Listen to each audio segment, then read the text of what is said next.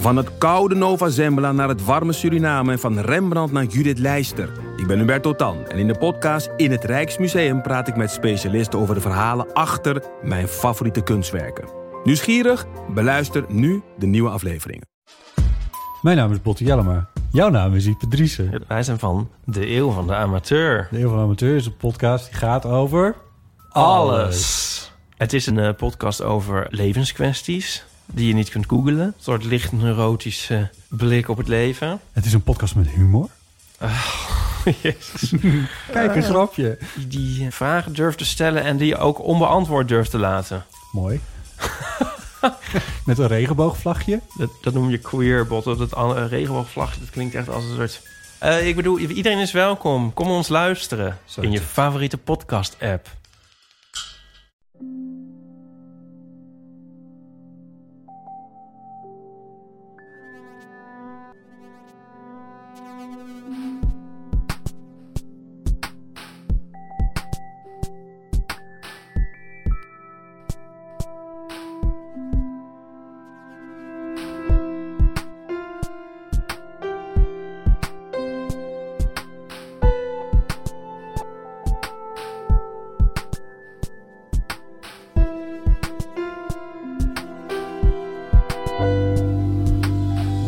Relaas, waar een mens zoals jij en ik een verhaal vertelt over iets dat hij zelf heeft meegemaakt.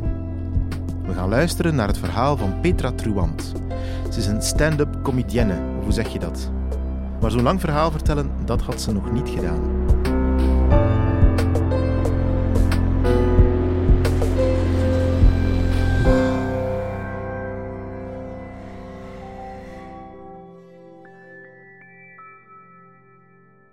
Ik kwam op het podium en ik had een grote lekstok voor mijn borsten. Lekstok, 30 centimeter diameter, een even grote stok. En ik keek naar de mensen en ik zei: Ik weet wel waarom dat jullie hier zijn hoor. Ik weet het wel hoor. Jullie zijn hier om naar mijn borsten te kijken. Dat gaat waar zijn hoor. ik ga hier heel avond met die lekstok voor mijn borsten staan. Voilà.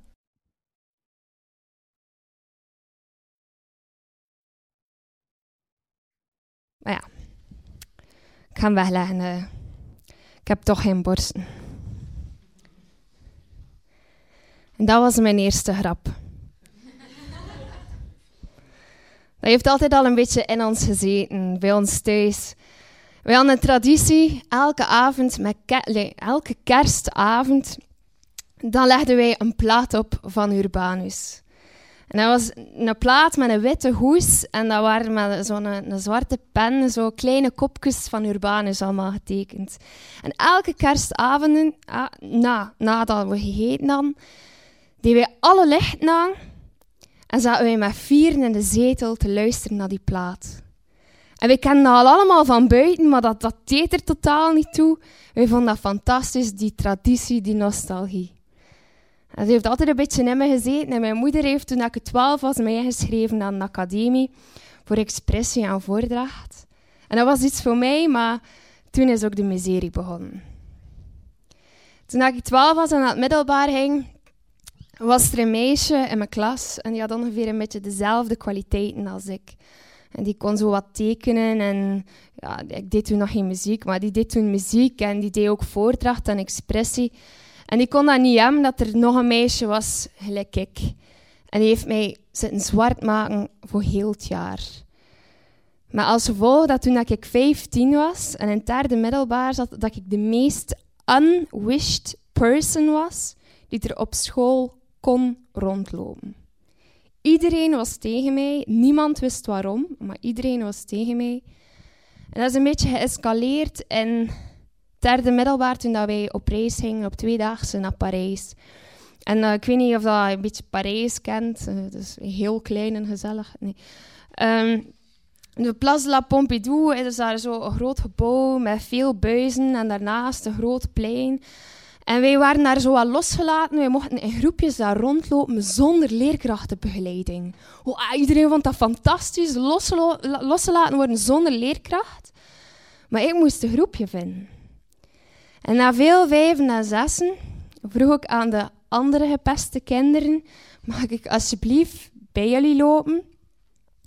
En dan zei er een meisje: Petra, je mag ons dat nu echt niet kwalijk nemen, maar wij worden liever niet met jou gezien. En dan ben ik, ja, ik was slim genoeg om niet alleen in Parijs rond te lopen. Dus dan ben ik naar mijn klastitularis geweest. En zegt, kijk mevrouw, er wil niemand echt mee in de groep. En dan zei hij tegen mij, mevrouw Sieuw was het, ik ga het nooit vergeten. Petra, ben jij daar nu eigenlijk zeker van dat dat niet jouw eigen fout is dat je gepest wordt? En als je dat als 15-jarige hoort, dan zakt de grond echt weg onder je voeten. En dan, ik weet nog heel goed, tussen dat grootplein en dat kleinerplein met dat gebouw met al die buizen, was er een muurtje. En ik heb mij tegen dat muurtje gaan zetten en ik heb mijn boek boven gehaald en ik heb beginnen schrijven. Ik wist dat ik stand-up comedy wilde doen toen ik 14 was. Was als kind niet alleen fan geweest van Urbanus, maar ook van Geert Hoste. Ik, man, ik, ik nam al die zijn conferenties op. Ik speelde daarna honderden keren. Ik liet dat ah, bijna dagelijks afspelen. Ik kende die conferenties van buiten. En op een gegeven moment zijn wij naar, in Antwerpen naar een tentoonstelling gaan kijken. En we reden af in Gent en terugreden naar huis. Om iets te gaan eten. Maar ik zei, iets gaan eten, iets gaan eten. Wij gaan nooit iets gaan eten als wij van ver komen. Allee, we, allee, we eten wel iets, maar dan in Poperingen als we thuis zijn. Nee, dat moest per se in. En ze vonden gelijk ook niet wat dat ze wilden eten. En, ah, dat was ambetant. Dus dan zijn we maar in een café binnen gegaan aan het Zuid. En sommige zagen daar zo heel op volk toe komen. Hert Hoste speelde in de Capitool. Ik vond dat, verschrikkelijk natuurlijk, want ik kon niet gaan. En mijn pa zei, weet je wat, we gaan een keer gaan zien of dat ze geen affiches hebben voor jou. Dus ik super enthousiast, wij dat, uh, dat kapitool ben, aan die balie, meneer, alsjeblieft, mag ik een affiche? Mensen een beetje raar kijken, wat? Nee. Ik zonder affiche, zei mijn pa, kan ik kijken naar mijn zak of dat ik geen affiche heb zitten voor jou? En daar kwam er een envelop tevoorschijn met vier tickets voor Geert Hosten. Dat moment dat ik op, op dat balkon zat, die eerste rij, dat was zo intens. Ik zie dat nog altijd voor me, hoe dat hij daar stond. En ik zat daar van, oh, dit is geweldig. En die avond wist ik, ik ga stand-up comedy doen.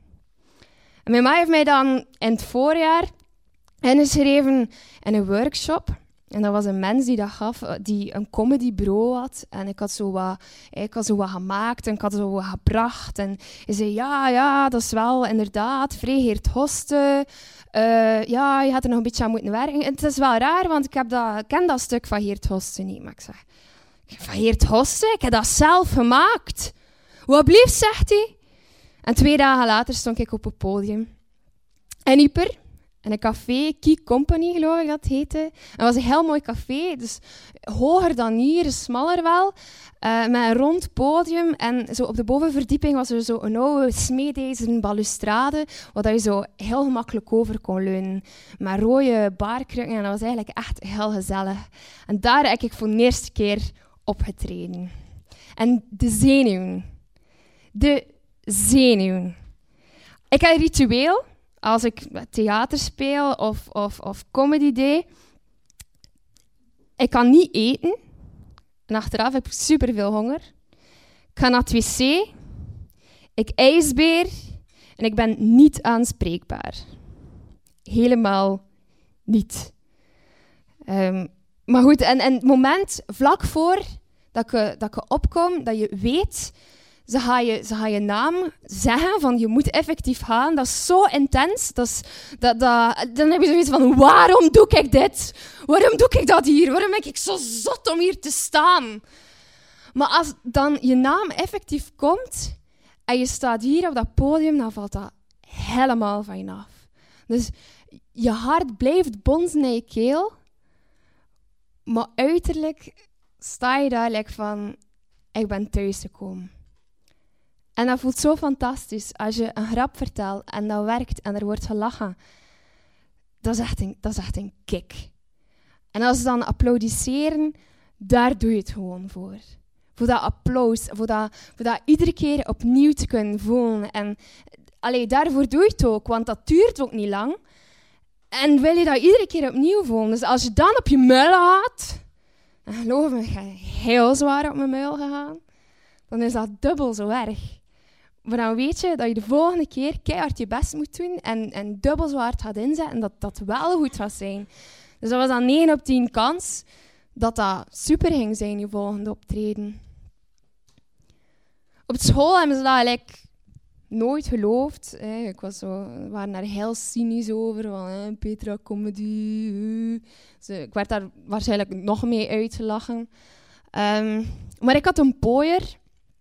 Was die mens van dat, van dat comedybureau. En die verkocht mij aan cafés en jeugdhuizen en dan kleinere zaaltjes. En dat was met toen volkomen onbekende comedians.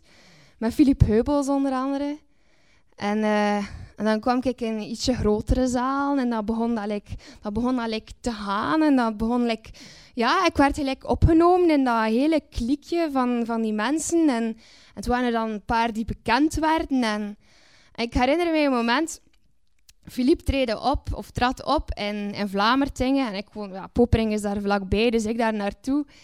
En dan vooraf een beetje zitten babbelen met elkaar. En tijdens de, tijdens de voorstelling babbelt hij van zijn vrouw. Er waren een paar mensen die naar mij keken en zo van, hm, die zijn vrouw. Um, ja, dat was wel gek. En dan heeft hij mij achteraf naar huis gevoerd. En zijn we frieten gaan eten op de markt van Poperingen. En een tram.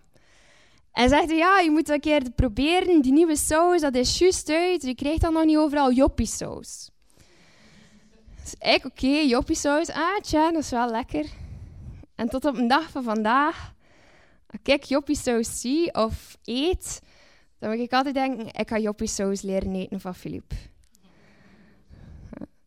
Uh, op een gegeven moment, toen ik 17 was, was er de gazet van Geert Hoste. En dat was op 1 april 2008. Komt allemaal terug dat ik het aan het vertellen ben. Um, ehm, 1 april 2008 en de dag ervoor, dat was de vervanging van de, Gazet van Antwerpen. En ja, dat was met allemaal comedians en je moest daarvoor appliceren. En ik was daarbij als jonge vrouwelijke comedienne en ik mocht gaan 31 maart. Want ja, de dag komt altijd, de gazet komt altijd de dag erna uit, eh, voor de, de slimme mensen onder ons. Um, en ik kreeg dan, dat was eerst een soort redactievergadering. Geert Hoste die zat dat dan voor. En ik kreeg dan een fotograaf mee. En ik mocht dan uh, een artikel schrijven over skiongeval. Ik kan niet skiën.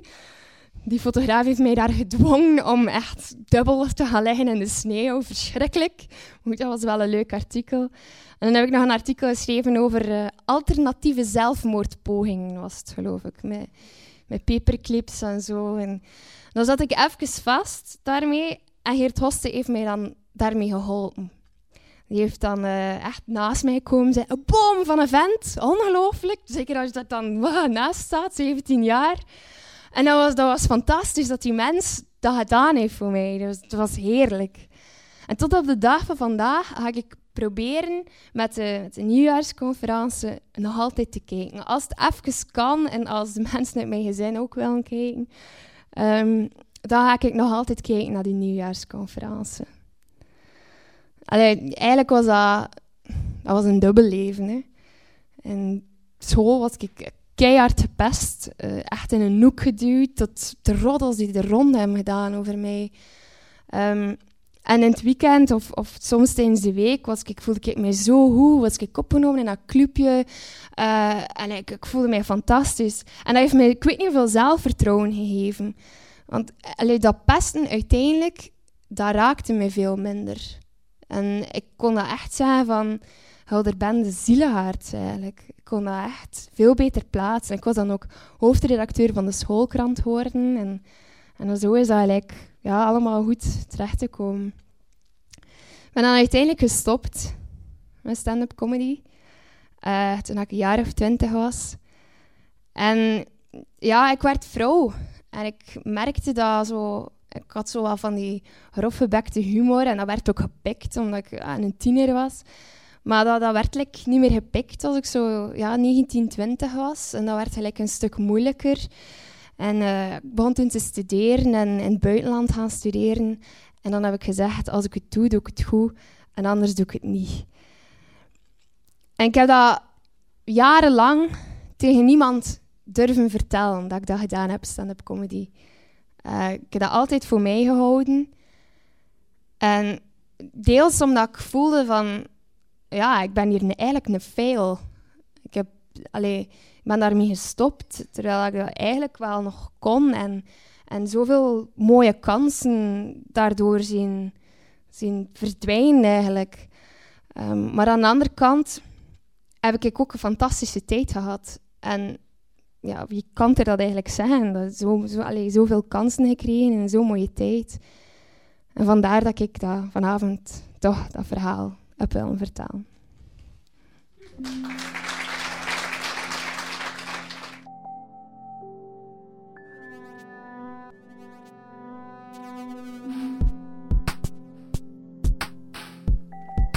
Zo, dat was het relaas van Petra Truant.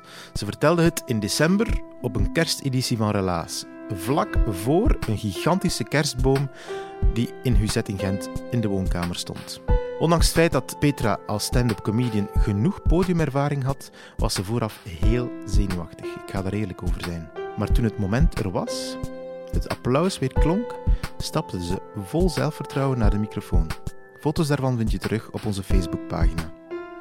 Heb je zelf een bijzonder verhaal of wil je iemand tippen die een goed verhaal heeft? Of als je er zelf graag ook eens wil bij zijn, als de verhalen live verteld worden, surf dan naar www.relaas.be en je komt alles te weten over wie wij zijn, over onze vertelavonden en over de podcast.